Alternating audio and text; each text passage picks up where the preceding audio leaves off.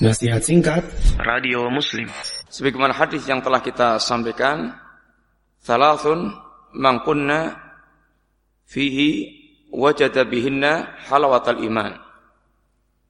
Ada tiga perkara yang apabila dia mendapatkan tiga perkara itu dalam dirinya Dia akan merasakan ini rasa lezatnya iman.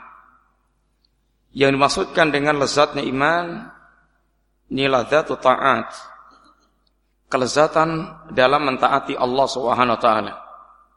Kelezatan dalam mewujudkan amal-amal taat. Satu di antaranya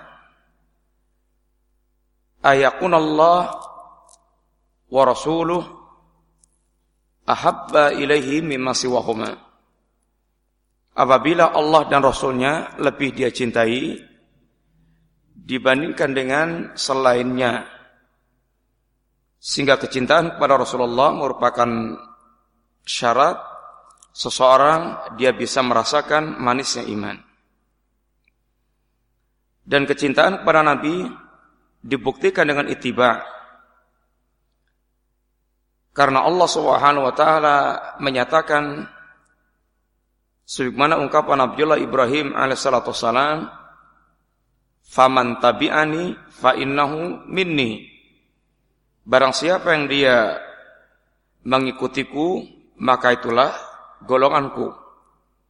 Sehingga tidak akan kita termasuk golongan Rasulullah Sallallahu Alaihi Wasallam seandainya kita tidak itiba, tidak mengikuti Rasulullah Sallallahu Alaihi Wasallam. Oleh karena itulah dikatakan oleh para ulama kecintaan yang tidak disertai dengan itiba adalah zindiq, sikap zindiq, sikap kemunafikan atau mendekati kepada kekufuran.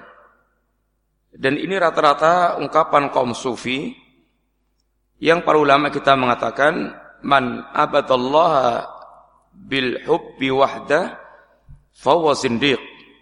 Barang siapa yang beribadah kepada Allah hanya dengan cinta semata, maka dia zindiq. Ini cinta yang tidak sertai dengan itiba.